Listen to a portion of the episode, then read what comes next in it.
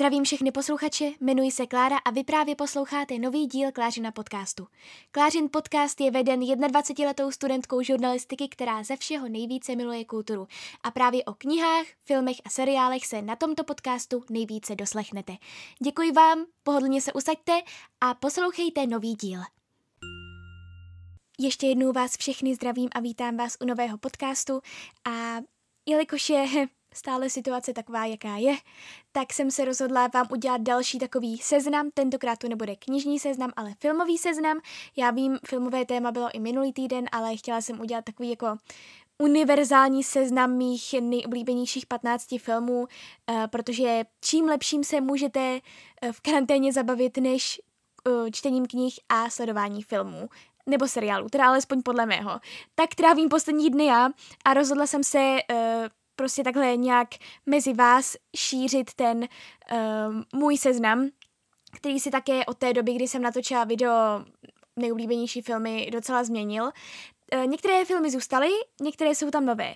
Uh, původně jsem chtěla udělat jenom 10 filmů, protože jsem věděla, že i když už bude těch 10 filmů, tak uh, to bude dost dlouhé ale nakonec jsem nemohla vypustit dalších pět filmů a tak jsem se rozhodla pro 15 filmů, takže rovnou se předem omlouvám za to, že tento podcast bude asi velmi dlouhý, nicméně nešlo to jinak a představím vám tady napříč žánry různé filmy, které mají speciální místo v mém srdci a které si budu vždycky pamatovat. Takže jdeme rovnou na to. A začínáme rovnou mým nejoblíbenějším filmem a to je Dánská dívka. Film Dánská dívka vás zavede do Kodaně 20. let minulého století. Einar Wiener patří k nejlepším dánským malířům své doby. Jeho žena Gerda mu přitom poskytuje maximální podporu a přitom se sama snaží prorazit jako portrétistka. Pozvolné borcení jejich harmonického vztahu odstartuje banální příhoda. Gerdě, která připravuje sérii baletních portrétů, nedorazí figurantka a Einar zvolí, že své ženě bude sedět modelem, oblečený do baletního kostýmu. Intenzivní spojení s ženským elementem v Einarovi rozpoutá obrovský emocionální zmatek, s nímž se vyrovnává nejprve nevinnou hrou na tajemnou dánskou dívku Lily a později čím dál silnějším přesvědčením, že pouze jeho žena, jako žena dokáže být šťastný. A byl by ochoten podstoupit cokoliv, aby jeho transformace byla dokonalá. Během této proměny ho věrně doprovází jeho Gerda, která díky své nové můze Lily sice konečně prorazila jako umělkyně, ale zároveň ztratila svou životní lásku tak kdo už mě nějakou dobu sleduje, tak asi víte, že tento film já vždycky zmiňuji jako můj úplně nejoblíbenější. Mně se líbil od začátku, moc se mi to líbilo, já jsem do té doby neměla ráda Eddieho Redmayna, což fakt nechápu, protože dnes už ho považuji za jednoho z nejlepších herců vůbec a za jednoho z mých nejoblíbenějších. Ale sledovala jsem to a říkala jsem si, že asi sleduju něco speciálního že se mě to nějakým způsobem podivně dotýká a musím říct, že ke konci, nebo úplně na konci jsem se opravdu usidově rozplakala, nahlas a brečela jsem asi dalších 15 minut po skončení filmu.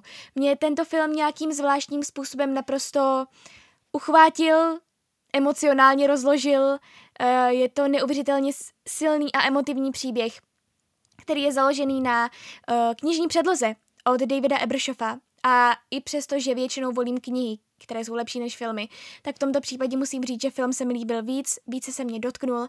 Měl nádhernou hudbu od Alexandra Desplata, což je také jeden z mých nejoblíbenějších uh, skladatelů hudebních.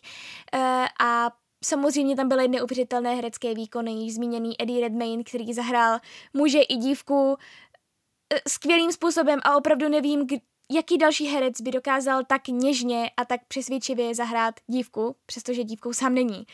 E, pak je tam ještě Alicia Vikander, která za tuto roli dostala i Oscara. A opravdu e, tento film jsem od té doby viděla už asi osmkrát a pokaždé, když ho vidím, tak se přistihnu, že mám takový uh, lehký úsměv na rtech, přestože samozřejmě ty věci, které se v tom filmu odehrávají, nejsou vůbec veselé.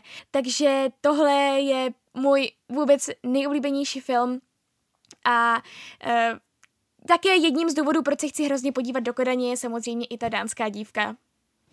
Skrze dánskou dívku jsem se zamilovala i do toho města a celkově opravdu tento film ke mně promluvil zatím asi úplně nejvíce. Já mám spoustu oblíbených filmů, jak uslyšíte tady v tomto podcastu, ale dánská dívka vždycky bude nad vším převažovat.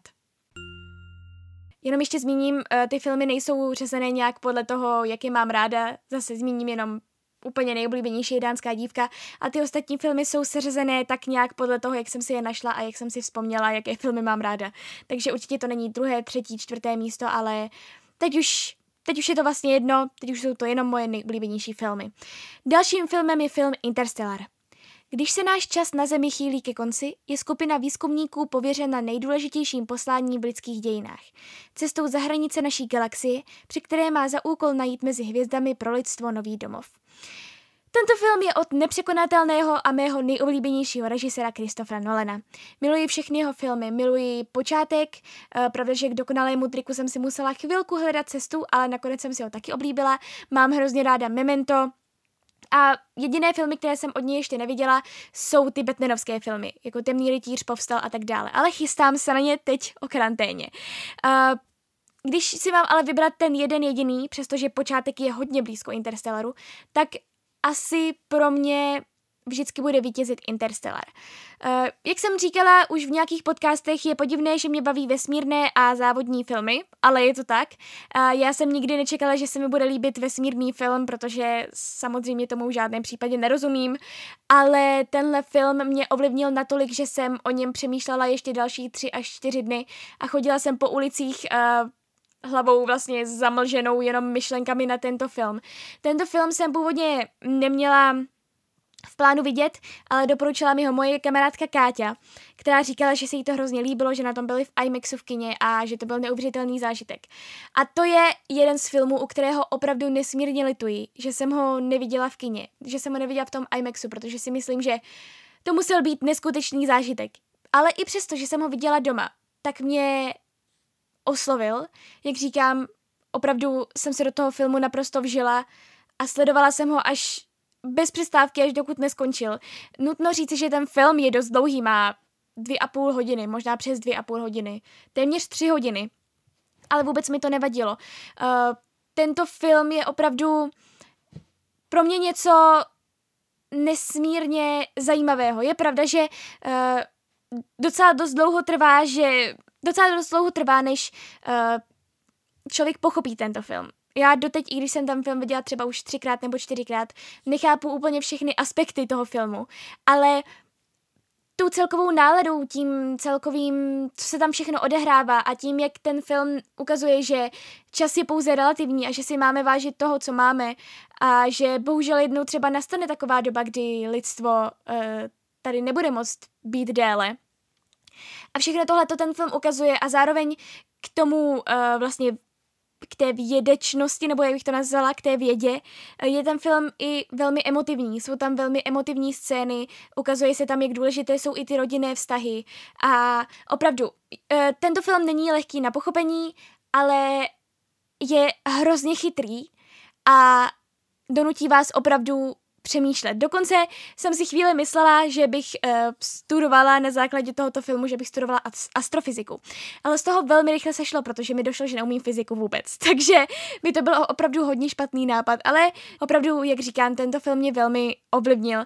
Navíc je tam jedna z prvních rolí mého nejoblíbenějšího herce, nebo jednoho z nejoblíbenějších herců, Timothyho Šalameta, takže uh, tam jsou samé plusy a ještě k tomu krásná hudba od Hanse Cimra, eh, která vás opravdu rozbrečí v každé, eh, v každé scéně. Uh, jak teda říkám, člověku dojde, že čas je relativní a že si má vážit toho, co má. Navíc tento film a celkově filmy Christophera Nolana jsou točené speciální metodou, oni jsou točené na film. Tento film byl natočený na 70 mm IMAX film, teda některé části toho filmu a on si právě zakládá na tom, že to netočí převážně digitálně, ale že to točí teda především na ten filmový materiál. Takže určitě uh, vám z celého srdce Interstellar doporučuji. I přesto, že se vůbec nezajímáte o vesmír, i přesto, že si myslíte, myslíte, že vás to bavit nebude, věřte mi, že alespoň něco ve vás tento film zanechá a nezanevírejte na něj jenom kvůli tomu, že má to vesmírné téma a že je dlouhý, protože Christopher Nolan sám je opravdu genius ve svém oboru a myslím si, že byste od něj měli vidět jeho filmy, protože opravdu stojí za to. Je to kvalitní filmařina, kterou rozhodně doporučuji. Pak tady máme něco z takových filmových klasik a první je Vykoupení z věznice Shawshank. Strach dělá z lidí vězně. Naděje jim dává křídla. Film natočený podle novely Stephena Kinga. Strhující příběh o přátelství, naději a moudrosti s velmi výraznými hereckými i charakterovými osobnostmi. Andy Dufresne přichází do vězení v Shawshanku jako nový vězeň podezřelý z vraždy. Spřátelí se s doživotně odsouzeným Eredem a společně se snaží přežít v nelidském prostředí vězenského systému. Odmítají upadnout do rezignace a dodávají naději sobě i spoluvězňům. Film získal mnoho ocenění filmové kritiky a díky svému hluboce humánnímu poselství, skvělým hereckým výkonům a působivému zpracování byl sedmkrát nominován na Oscara. Za nejlepší film, herce v hlavní roli, nejlepší scénář, kameru, hudbu, střih a zvuk. Uh, tento film je od režiséra Franka Derebonta, který kromě této novely od Stephena Kinga sfilmoval také další jeho dvě uh, předlohy, a to Zelenou míli a Mlhu. Nutno říci, že největší úspěch samozřejmě zaznamenal, zaznamenalo vykoupení z věznice Shawshank, ale i Zelená míle měla dost velký úspěch. Uh, jak už bylo teda zmíněno, je to podle novely nebo podle povídky Stephena Kinga. Opravdu není to nějaká obří velká kniha, uh, jako třeba to od Stephena Kinga, je to opravdu jenom krátká novela, ale i z té se dalo vytěžit a vznikl tento asi dvouhodinový film. E, je to teda drsný film, je samozřejmě z vězeňského prostředí, ale je úžasně, úžasně natočený a vlastně ve všech žebříčcích tento film uh, se dělí o první příčky vždycky s Forrestem Gumpem. Takže v každém žebříčku, ať už uvidíte jakýkoliv žebříček nejlepších filmů všech dob, tak určitě se tam objeví vykoupení z věznice Shawshank a garantuji vám, že na prvních třeba třech příčkách. A já teda musím za sebe říct, že mně se třeba vykoupení z věznice Shawshank líbí více než Forrest Gump. Přestože Forresta Gumpa ráda mám, tak vykoupení z věznice Shawshank mě zasáhlo nějakým způsobem více. Je tam spoustu emotivních momentů a je to opravdu podle mého názoru nejlepší adaptace uh, podle knihy Stephena Kinga, které jsou buď jenom skvělé, a nebo jsou naprosté totální propadáky. A jsem moc ráda, že se to povídky se dalo vytěžit tolik, Určitě se na to podívejte zase, je to drsné, emotivní, ale je to skvělé a postupem se vlastně, nebo postupně se vlastně dozvídáte o těch samotných postavách a co všechno prožívají a kdo vlastně za co může a je to takové, zase skvělá hudba je tam a určitě si myslím, že tento film by neměl uniknout žádnému člověku. Ale asi až budete pokud to poslouchá někdo mladší, asi na to počkejte, až budete trošku starší, ale myslím si, že tento film patří mezi zásadní filmy, které by měl vidět každý. Stejně tak jako následující film, a to Přelet nad kukačím hnízdem od Miloše Formana. Když svobodomyslný malý podvodníček Randall McMurphy přichází do státní psychiatrické nemocnice, jeho nakažlivý odpor k disciplíně otřese rutinou celého zařízení. On je jednou stranou nastávající války. Uhlazená, chladně monstrózní sestra Rečidová druhou. V sázce je osud všech pacientů na oddělení. Tato elektrizující adaptace bestselleru Kena Keseyho získala všech pět hlavních Oscarů za rok 1975. Nejlepší film, nejlepší herec, herečka, režisér a adaptovaný scénář. Tento film je teda od mého milovaného režiséra Miloše Formana. Já jsem si jistá, že toho zná téměř každý, protože je takovým naším národním pokladem a já jsem moc ráda, že tady že natáčel filmy, které natáčel a že si dokázal vydobít takové místo jaké si vydobil jako režisér. Um, tento film zase pro mě znamená hrozně moc. Moc se mi líbil a i v tomto případě musím říct, že já jsem četla film, uh, knihu, podle které pak byla natočená tato adaptace, ale i v tomto případě musím říct, že film se mi líbil více než kniha, která se mi zdála trošičku zmatenější. Um, tento film nebo nápad na tento film uh, původně vnukl do hlavy Miloši Formanovi Michael Douglas. Teda ještě úplně nejpůvodněji, to byl jeho otec Kirk Douglas, který knihu poslal Miloši Formanovi sem do Československa, ale na hranicích pak přišli na to, že na hranicích ji eh, s největší pravděpodobností zabavili, protože je komunistický režim, takže se k němu nikdy nedostala a až potom po několika letech mu řekl Michael Douglas právě Miloši Formanovi, že by tento film měl režírovat takže to bylo ještě takhle spojené vlastně s Douglasovými a um, také je nutno říci, že Ken Kesey, autor teda knihy s uh, filmovou adaptací nesouhlasil a nechtěl s mít nic společného a jediné, kdyby s ní chtěl mít něco společného, je jako režisér a hlavní herec. Jenomže to se mu samozřejmě nepovedlo, takže od té doby byl naštvaný a odmítal se na adaptaci podívat. Um, je to další film, kterému není vůbec, není možné nic vytknout. Je to prostě klasika a kterou vidělo nespočet lidí po celém světě. Je tam neuvěřitelný Jack Nicholson, ale nejenom on, celkově ty herecké výkony jsou skvělé v tomto filmu. A je to klasika, kterou si lidé budou pouštět po generacích a generacích. A můžeme být na Formana pišní za to, co dokázal. A i přesto, že, jak jsem říkala, natočil spoustu skvělých filmů, jako Amadeus, Vlasy, Lit versus Larry Flint, tak pro mě vždycky přelet nad kukačím hnízdem bude asi ten vůbec nejoblíbenější. Tento film jsem viděla taky už asi čtyřikrát nebo pětkrát a pokaždé mě v něm překvapí něco jiného a pokaždé mě ten konec dojme a vím, že ho budu chtít vidět ještě víckrát a víckrát, a abych prostě obdivovala tu poctivou filmažinu, kterou dokázal Forman. Pak tady máme asi nejnovější film na tomto seznamu a to je film Joker. Zkrachovalý komediant Arthur Fleck se dlouho pohybuje na tenké hranici mezi realitou a šílenstvím. Jednoho dne se ve svém obleku klauna potuluje po ulicích Gotham City a dostává se do konfliktu s brutálními zloději. Pomalu se roztáčí spirála událostí dosahujících hrozivých rozměrů. Všemi opuštěný Fleck se začne čím dál více propadat do hlubin šílenství a postupně se mění v ikonu zločinu, kterou svět brzy bude znát pod jménem Joker. Já jsem si jistá, že už jste asi, že už vám asi leze krkem, jak téměř v každém podcastu zmiňují Jokera, ale mě to nedá, musela jsem ho tady zmínit, musela jsem ho zařadit mezi mé nejoblíbenější filmy, protože mě opravdu dokázal oslovit takovým způsobem, kterým mě už dlouho film neoslavil. Podstatné už bylo asi všechno ode mě řečeno, spoustu zajímavostí už ode mě snad víte.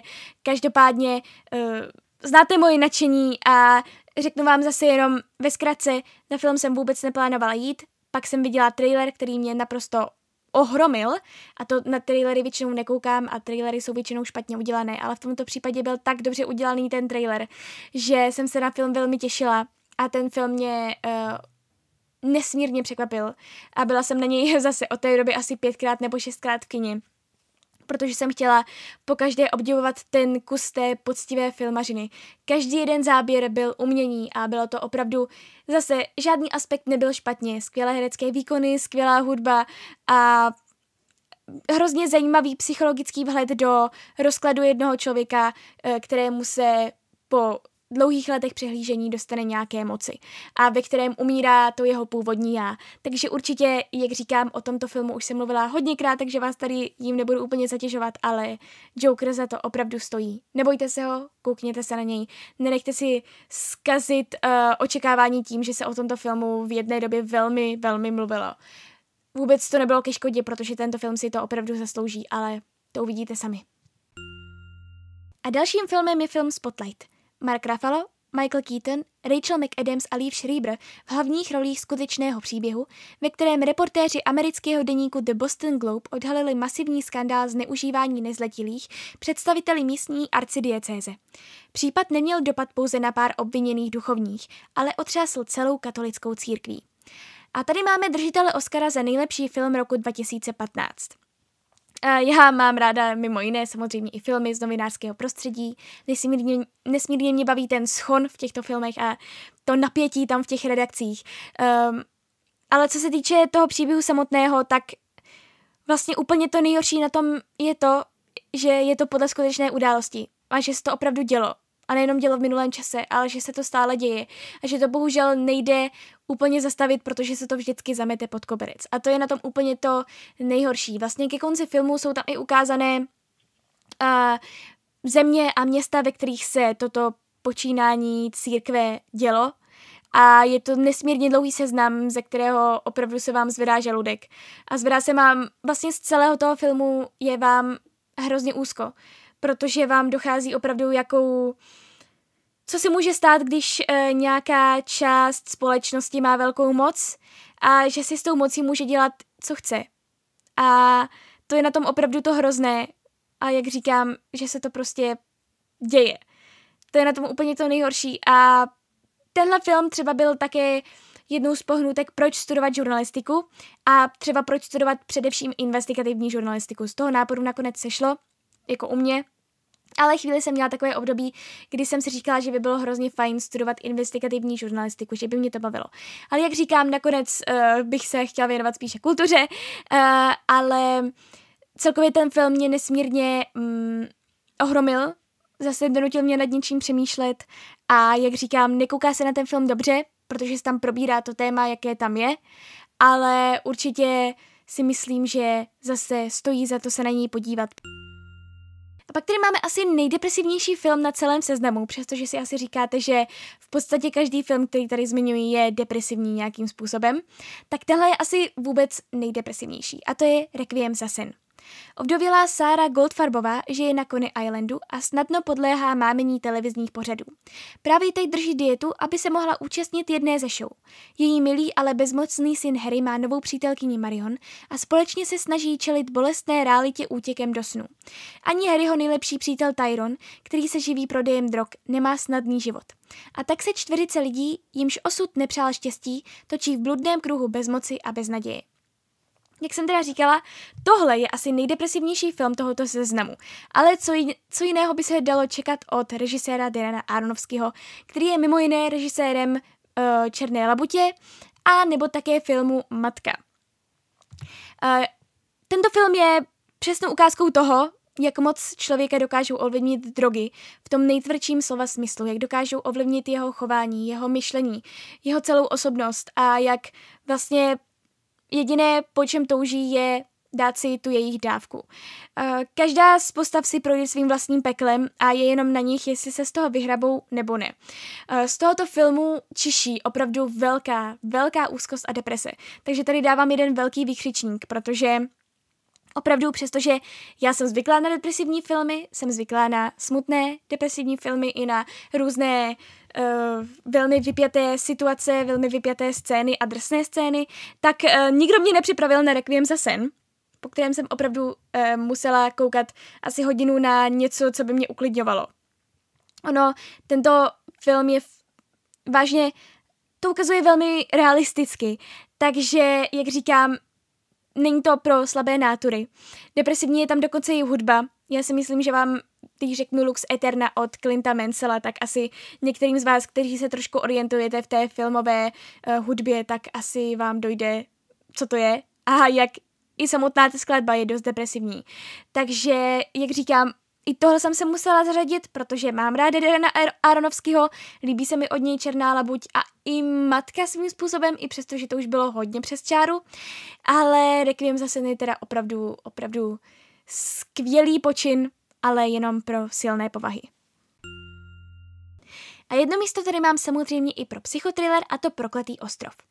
Detektiva Teddyho Danielse a jeho kolegu Chucka Oliho přivedlo na prokletý ostrov Shutter pátrání po šílené vražetkyni jménem Rachel Solando, která zmizela ze své cely ve vězeňské psychiatrické léčebně Ashcliffe a kde si se úspěšně skrývá. Píše se rok 1954 a Amerika se dosud nespamatovala z následků druhé světové války a navíc přežívá permanentní paranoji domnělého i skutečného komunistického ohrožení. Daniels je učebnicovou obětí téhle doby. Válečný veterán stále vzpomíná na prožité hrůzy a navíc se musí vyrovnat se smrtí manželky. Až by se dalo sarkasticky říct, že v rámci vyšetřování dorazil na správné místo. Jenže na tomhle ostrově něco smrdí a zkušený detektiv to instinktivně vycítí. Například je přesvědčený o tom, že léčebné metody, které zdejší lékaři vedení doktorem Johnem Colem aplikují na pacienty, nejsou zcela v souladu s Hippokratovou přísahou. Druhou stranou mince je ale otázka detektivovy příčetnosti, jež je vlivem traumatických prožitků z minulosti a poměrně děsivé a skličující přítomnosti vystavováno čím dál větším otřesům. Tak tento film je od režiséra Martina Scorseseho a je to také film, který si s vámi celou dobu v podstatě hraje. Je to psychotriller v tom nejlepším slova smyslu a po skončení vás donutí zírat na obrazovku ještě asi 10 minut. Já zbožňuji promyšlené konce. Opravdu, když má nějaký film promyšlený, otevřený konec, který vás donutí o tom filmu přemýšlet ještě další hodiny, tak má u mě film obrovské plus, já to mám hrozně ráda a v případě tohoto filmu je to asi jeden z nejlepších konců, co jsem kdy viděla, protože jednou jedinou větou, kterou pronese jedna postava v tomto filmu, se to vlastně všechno změní a je jenom na vás, jak si vysvětlíte, že tento film skončí. Ten film má teda dva různé konce a jak říkám, je to teda všechno závisí jenom na té jedné větě, kterou jedna postava řekla úplně na konci. Uh, jak, jak jsem teda říkala, celý ten film si s vámi pohrává, říkáte si, co je vlastně pravda teda a co je vlastně lež. A opravdu, pokud máte rádi psychotrillery a tento vám unikl, tak si myslím, že byste se na ní určitě měli podívat. Uh, zase je to takové docela děsivé, protože už jenom to, že se to odehrává v psychiatrické léčebně na úplně opuštěném ostrově, kde jsou vlastně ti um, zločinci nejhoršího kalibru, tak samozřejmě, že to přidává k té náladě celkového k té celkové náladě toho filmu. Ale myslím si, že opravdu, pokud chcete nějaký opravdu velmi, velmi kvalitní psychotriller, který vás donutí přemýšlet, tak je to právě Prokletý ostrov. A z psychotrilleru přejdeme rovnou na animovaný film a to Lví král. Zdivočelé stádo hnané na Skarův příkaz pod měšilými hyenami by bezbraného Simbu určitě zadoupal do země, kdyby jej nezachránil jeho otec Mufasa. Při zoufalé záchraně však zahyne. Protřilému Skarovi pak nedá moc práce přesvědčit vyděšeného Simbu, že je zodpovědný za otcovu smrt a měl by neodkladně uprchnout. A tak se Skar se svojí suitou konečně dostane k moci. Zatímco Simba si najde nové zvířecí přátelé Pumbu a Timona, s nimiž v duchu bezstarostné filozofie Hakuna Matata vyroste do majestátní lví podoby. Ale země jeho otce strádá, královská krev se nezapře a kde si na hvězdné obloze si Mufasa hluboce oddychl, když probuzený Simba razantně vyrazil v jeho královské stopě. Já mám ráda Disneyovky, mám moc ráda Disneyovky i Pixarovky, ale kdyby se mě někdo zeptal na nejoblíbenější Disneyovku, tak vím, že pokaždé vždycky řeknu Lví král. Nevím, čím to je, nevím, proč to tak mám, jestli je to kvůli tomu, že kromě toho, že je to hezké, veselé, jsou tam krásné písničky, tak je to i trochu smutné. Asi jsem byla takový eh, masochista už od dětství, nevím. každopádně Lví král to bude vždycky, protože se mi líbí ten příběh, líbí se mi, že tam nejsou úplně eh, princezny, přestože jako princezny jsem samozřejmě ráda měla, ale líbí se mi, že to bylo v té džungli, jak říkám, krásné písničky od Hanse Cimra, jednu tam samozřejmě složil i um, Elton John a to Can You Feel the Love Tonight, neboli Vím, že nám, nosla, vím, že nám noc lásku dá. A tento film, myslím si, že ani nemusím nějak více rozebírat, nemusím ho více představovat, protože prostě pro mě vždycky tato Disneyovka bude znamenat jako animák vůbec úplně to nejvíc. A um, když si teďka vzpomínám třeba na nějaké moje oblíbené ještě Disneyovky, tak je to třeba Ratatouille. To se mi líbí hodně, ale Lví král vždycky bude klasika pro mě. A máme tady další animovaný film a to Malý princ. Od Marka Osborna, režiséra Kung Fu Pandy, přichází první celovečerní animovaná adaptace slavného díla o přátelství, lásce a skutečném štěstí. Ústřední postavou je malá holčička, kterou si její maminka snaží připravit na skutečný svět dospělých. Její plán naruší trochu excentrický, leč dobrosrdečný soused. Letec, který holčičce představí neobyčejný svět, jenž mu před dávnou dobou představil malý princ. Ve světě, kde vše je možné, začne pro malou holčičku kouzelná cesta uvnitř vlastní představivosti, na které znovu objeví své dětství a zjistí, že skutečně můžeme vidět jen srdcem. Tohle je pro mě krásný a emotivní příběh, emotivní pohádka a pokaždé, když si chci pobrečet a vzpomenout si na krásné uh, chvíle v dubbingovém studiu, tak si pustím tento film. Jak jsem teda už zmiňovala, tak jsem měla to štěstí a tu čest dabovat právě malou holčičku v tomto filmu. Tento film mě také donutil si znovu přečíst Malého prince, který se mi od té doby nesmírně líbí a kterého považuji za jedno z nejlepších děl literatury vůbec. A, a když jsem tento film dabovala, tak opravdu to byl první a zatím poslední film, u kterého jsem opravdu brečela ve studiu. Eh, když jsem brečela, protože se tam dělo na obrazovce to, co se dělo a bylo mi to všechno nesmírně líto a úplně jsem se do té holčičky vžila. On je to opravdu nesmírně citlivě natočený film a i přesto, že byste si říkali, že eh, američani to dotáhnou do kýčovosti a že tam bude přehnaný happy end a že to bude všechno přeslazené a tak není to tak. Je to opravdu citlivé, citlivé, citlivě udělané, je tam krásná animace, která se tam střídá, když jsou tam třeba přímo části vlastně z Malého prince, tak je tam najednou taková loutková animace, pak je tam zase jiná animace typická pro ten film. A je to opravdu krásný příběh. Uh, vím, že některým lidem třeba vadilo, že to není původní příběh Malého prince, že je to vlastně o tom, jak se ten letec seznamuje s tou holčičkou, která pak vypráví ten příběh Malého prince, ale vlastně mi to vůbec nevadilo, protože ta podstata tam zůstala, ten hlavní příběh Malého prince tam zůstal a jenom se to o něco rozšířilo. A vlastně na tom rozšířeném k tomu filmu, eh, nebo na tom rozšířeném k tomu Malému princi se ukázalo spoustu poučení pro děti i pro dospělé a to je to, že když jsme dětmi, tak bychom se neměli snažit přehnaně rychle vyrůst a že bychom si měli vážit toho, co máme a okolí, co máme a e, našich vztahů, co máme. Takže určitě je to poučné, nenásilné, krásné a opravdu bych vám tento film doporučovala, hlavně pokud si chcete hodně pobrečet. Když jsme byli pak na předpremiéře, tak e, i přesto, že jsem ten film teda už svým způsobem viděla při dabování, tak e, mě to rozbrečelo neuvěřitelným způsobem a v podstatě všechny v sále. A jsem opravdu ráda, že jsem v tomto filmu mohla dabovat. A pak tady máme další krásný, emotivní, animovaný film a to Píseň moře.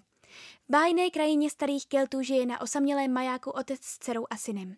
Život celé rodiny se obrátí vzhůru nohama ve chvíli, kdy se ukáže, že malá dcerka je poslední stulení chvíl. Jedině ona totiž může písní moře zachránit všechny pohádkové bytosti, které proměnila v kámen čarodějnice Macha.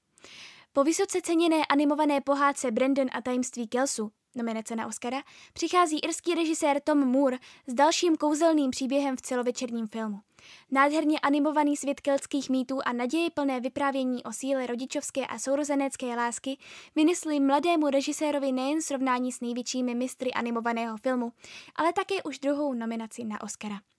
Tak tohle je další emotivní animák, u kterého vždycky brečím. Když jsem zase měla jsem nesmírnou čest v tomto filmu dabovat, uh, právě malou tulení vílu, uh, která teda nutno říci, že moc jsem si tam nezadabovala, protože ona v podstatě celý ten film jenom prodýchala a ke konci řekla třeba dvě nebo tři věty, ale zpívala tam krásnou písničku, kterou jsem měla tu čest si zaspívat. Když jsem ale tento film vlastně dabovala a zpívala, tak uh, mě nějakým způsobem moc neohromil, moc mě neoslovil, ale bylo to kvůli tomu, že jsem viděla opravdu jenom části. Pak, když jsme byli pozváni na premiéru, tak jsem ten film teda konečně viděla v celku a nesmírně se mi líbil. Uh, bylo tam Zase byl to krásný příběh právě o té rodičovské a sourozenecké lásce, uh, opředený těmi kelskými legendami. Nádherná a hrozně roztomilá animace, která je nenásilná a já osobně si hrozně cením toho, když jsou animované filmy opravdu nenásilné. Nebojuje se v nich a nekřičí se v nich a je to vlastně celé opravdu opředené různými legendami a opředené krásným poučením a krásným příběhem. Je to zaručeně jedna z dalších pohádek na dlouhé karanténní dny. Uh, určitě bych vám ji doporučovala, já se teda musím přiznat, že stále jsem ještě od režiséra neviděla Brandon a tajemství Kelsu, i přestože je to hodně doporučované, ale uh, Píseň moře opravdu, pokud jste ji neviděli, tak se na to podívejte, protože vám garantuji, že uh, budete koukat na tento film s tím, že uh, budete mít neustále úsměv na rtech a hlavně ke konci. Navíc uh, v české verzi píseň Hlavní píseň naspívala Markéta Irglová. Takže to je taky takové, taková zajímavost. No a písní moře navazují na film Faunův labirint. Hned jak vám přečtu anotaci, tak vám řeknu, proč zrovna písní moře navazují na Faunův labirint, když je to vlastně úplně o něčem jiném a je to... A Faunův labirint je opravdu o mnoho hororovější než píseň moře. Takže Faunův labirint Píše se rok 1944 a 12-letá Ofélie jede se svou těhotnou matkou za otčímem, frankistickým důstojníkem, který kdesi v horách na severu Španělska potlačuje zbytky republikánského povstání. Život ve vojenské posádce ale nenabízí Ofélii pouze realitu poznamenanou boji s povstalci, všeobecným nedostatkem jídla a velmi chladným vztahem s očímem. V nedalekém starodávném labirintu potká dívka jednou v noci starého fauna, který jí prozradí, že je ztracenou princeznou kdysi mocné pohádkové říše a současně poslední naději na její záchranu. Než se ale opět setká se svým královským otcem, musí splnit několik úkolů. Fascinující, podívaná a silný příběh o tom, že ve světě dětské fantazie se za život, čest a odvahu platí stejná cena jako ve světě dospělých. Um, takže proč jsem navázala z písně moře právě na Faunův labirint? Tak je to kvůli tomu, že když se na premiéře Písně moře uh, uváděl, uváděla ta píseň moře, tak um, nějaký zástupce kina Aero nebo distribuční společnosti Aerofilms říkal, že uh, tato distribuční společnost moc animované filmy nedistribuuje, ale udělala výjimku právě u Písně moře a u Faunova labirintu, který uváděli několik let předtím. Uh, bohužel ten Faunův labirint se jim úplně nevyplatil, distribuovat jako dětský film, protože uh, vlastně ten film je tak děsivý, ale co třeba bylo zvláštní, bylo to, že z toho filmu odcházeli především dospělí. Ty děti tam zůstávaly, aby to dokoukali, přestože to bylo tak děsivé, ale rodiče opravdu vycházeli z kina, protože to pro ně bylo moc děsivé. Tak to byla jenom taková zajímavost, kterou jsem si zapamatovala. A já jsem se pak následně podívala na Faunův labirint a opravdu musím říct, že to rozhodně pro děti není. Je to děsivé, je to drsné, rozhodně to není jako normální pohádka, eh, je tam i spoustu docela nechutných scén a monstrum s očima na dlaních se musela z hlavy vyhánět opravdu velmi dlouho. Španělé jsou prostě mm, Španělé jsou bláziví a už jenom to, že to natočil Guillermo del Toro, vám asi řekne o tom, že to nebude úplně typická pohádka. Ale nějakým podivným způsobem jsem i tuto ne, opravdu v uvozovkách pohádku musela zařadit do mého seznamu nejoblíbenějších filmů, protože mě nějakým způsobem oslovila. Bylo to fantazy v tom pravém slova smyslu. Já mám moc ráda i Guillermo del Tora a celkově ten příběh, možná tím, jak byl realistický a jak i přesto, že to bylo kategorizované jako pohádka, tak to pohádka vlastně vůbec není. Tak mě to nějakým způsobem opravdu ohromilo, oslovilo. A, ale, jak říkám, rozhodně není pro malé děti ani pro starší. Podívejte se na to jenom, pokud máte alespoň nějakou výdrž uh, k hororům, protože tento tato pohádka je opravdu i dost hororová a jak říkám, je tam spoustu postav, které z hlavy jen tak nevyženete. A především teda monstrum s očima na dlaních, které žere víly. A je to tam dost vidět. Takže určitě se na to podívejte jenom zase pro silné žaludky, ale mně se to zdálo jako skvělá filmařina. Ale je to kvůli tomu, že jsem zvyklá na tyto silné věci. Ale určitě uh, to stojí za to. Je to kvalitní film, je to opravdu velmi kvalitní film, což se dá u Guillerma del Tora očekávat, ale určitě to není vůbec pro všechny. A teď už se pomalu přesouváme na muzikálové filmy a prvním z nich je La La Land.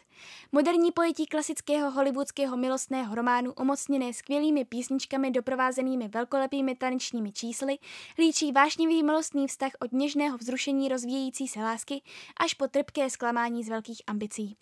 Tento film je od režiséra Demiena Čezela, který ho můžete znát jako režiséra Vypleše, a také jako režiséra všemi podceňovaného prvního člověka, který mě se osobně velmi líbil, ale prostě lidé ho podceňovali, nechápu proč. Já jsem tento film viděla jako předpremiéru, předpremiéru v Lucerně uh, po Vánocích a musím říct, že zpočátku jsem vůbec nevěděla, co si o tomto filmu mám myslet a kam ho mám přesně zařadit.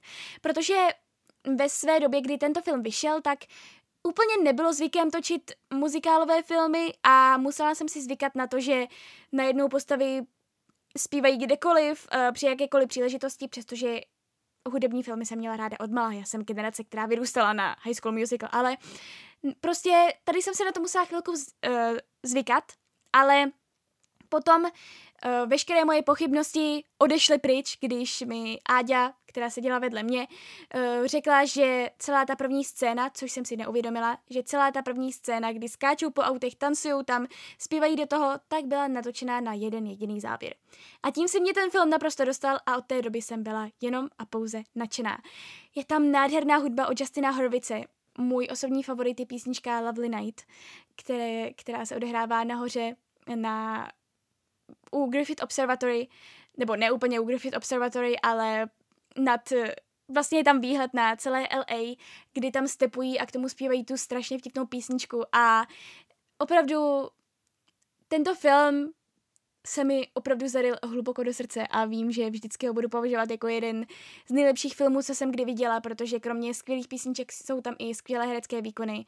Prostě Ryan Gosling a Emma Stone by spolu měli hrát úplně všude, protože jejich chemie nebo chemie mezi nimi je neuvěřitelná.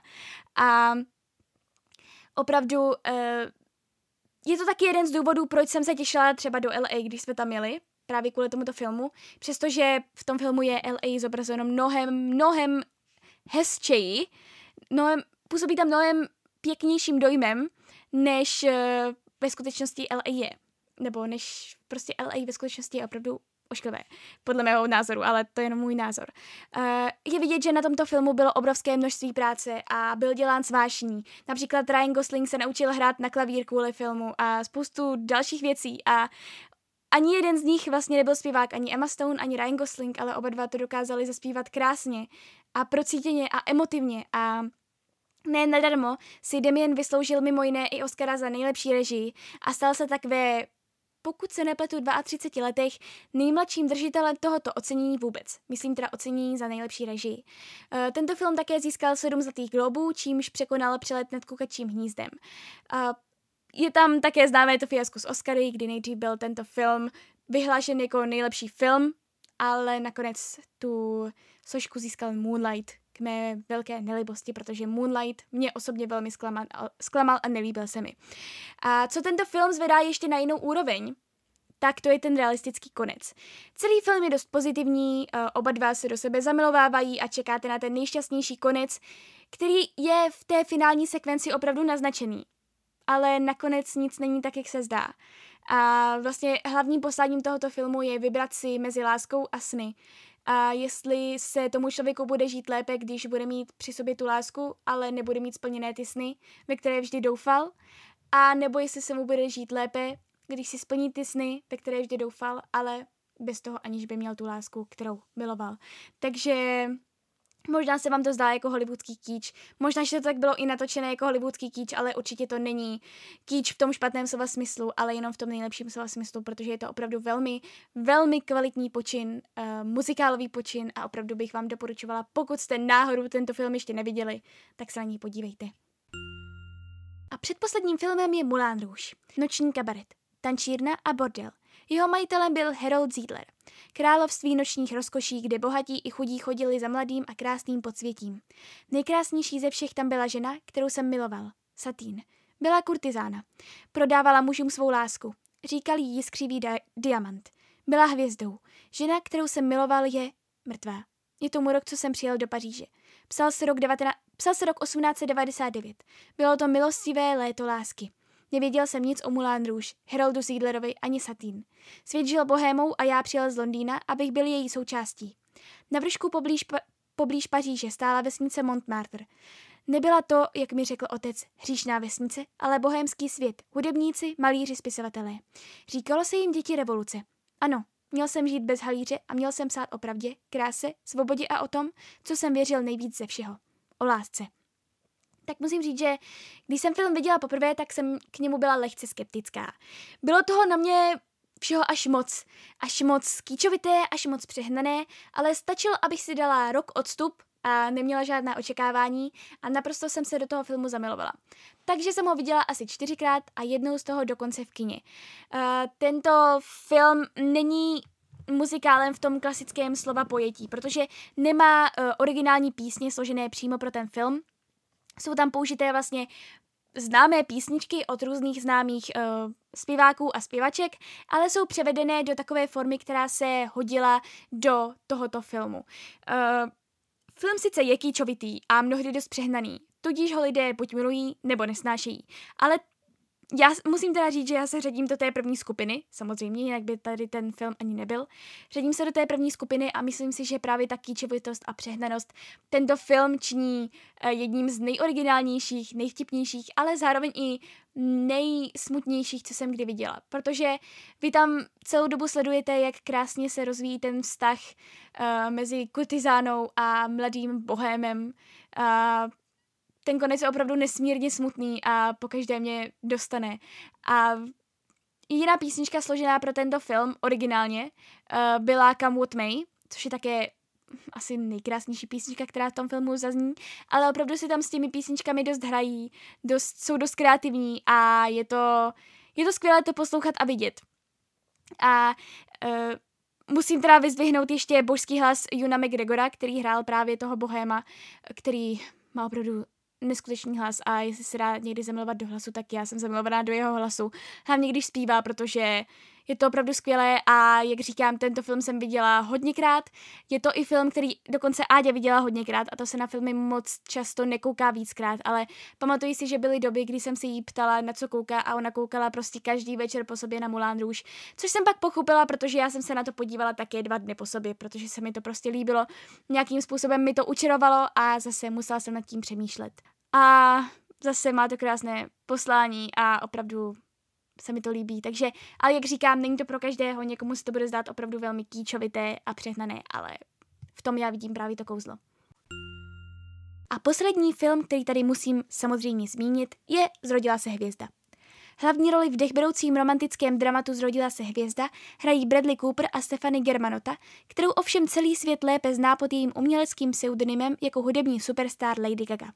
Pro čtyřnásobného držitele nominace na Oscara Bradleyho Coopera je tento film jeho režijním debitem.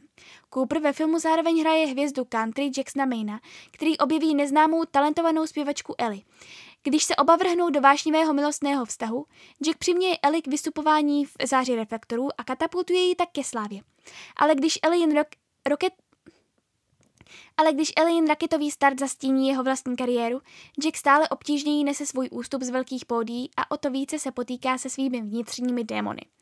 Tak zase, pokud mě už nějakou dobu sledujete, tak asi víte, že tento film patří mezi jeden z mých vůbec nejoblíbenějších, samozřejmě, jako valná většina z těchto filmů na seznamu, ale tento film jsem opravdu viděla v kině osmkrát.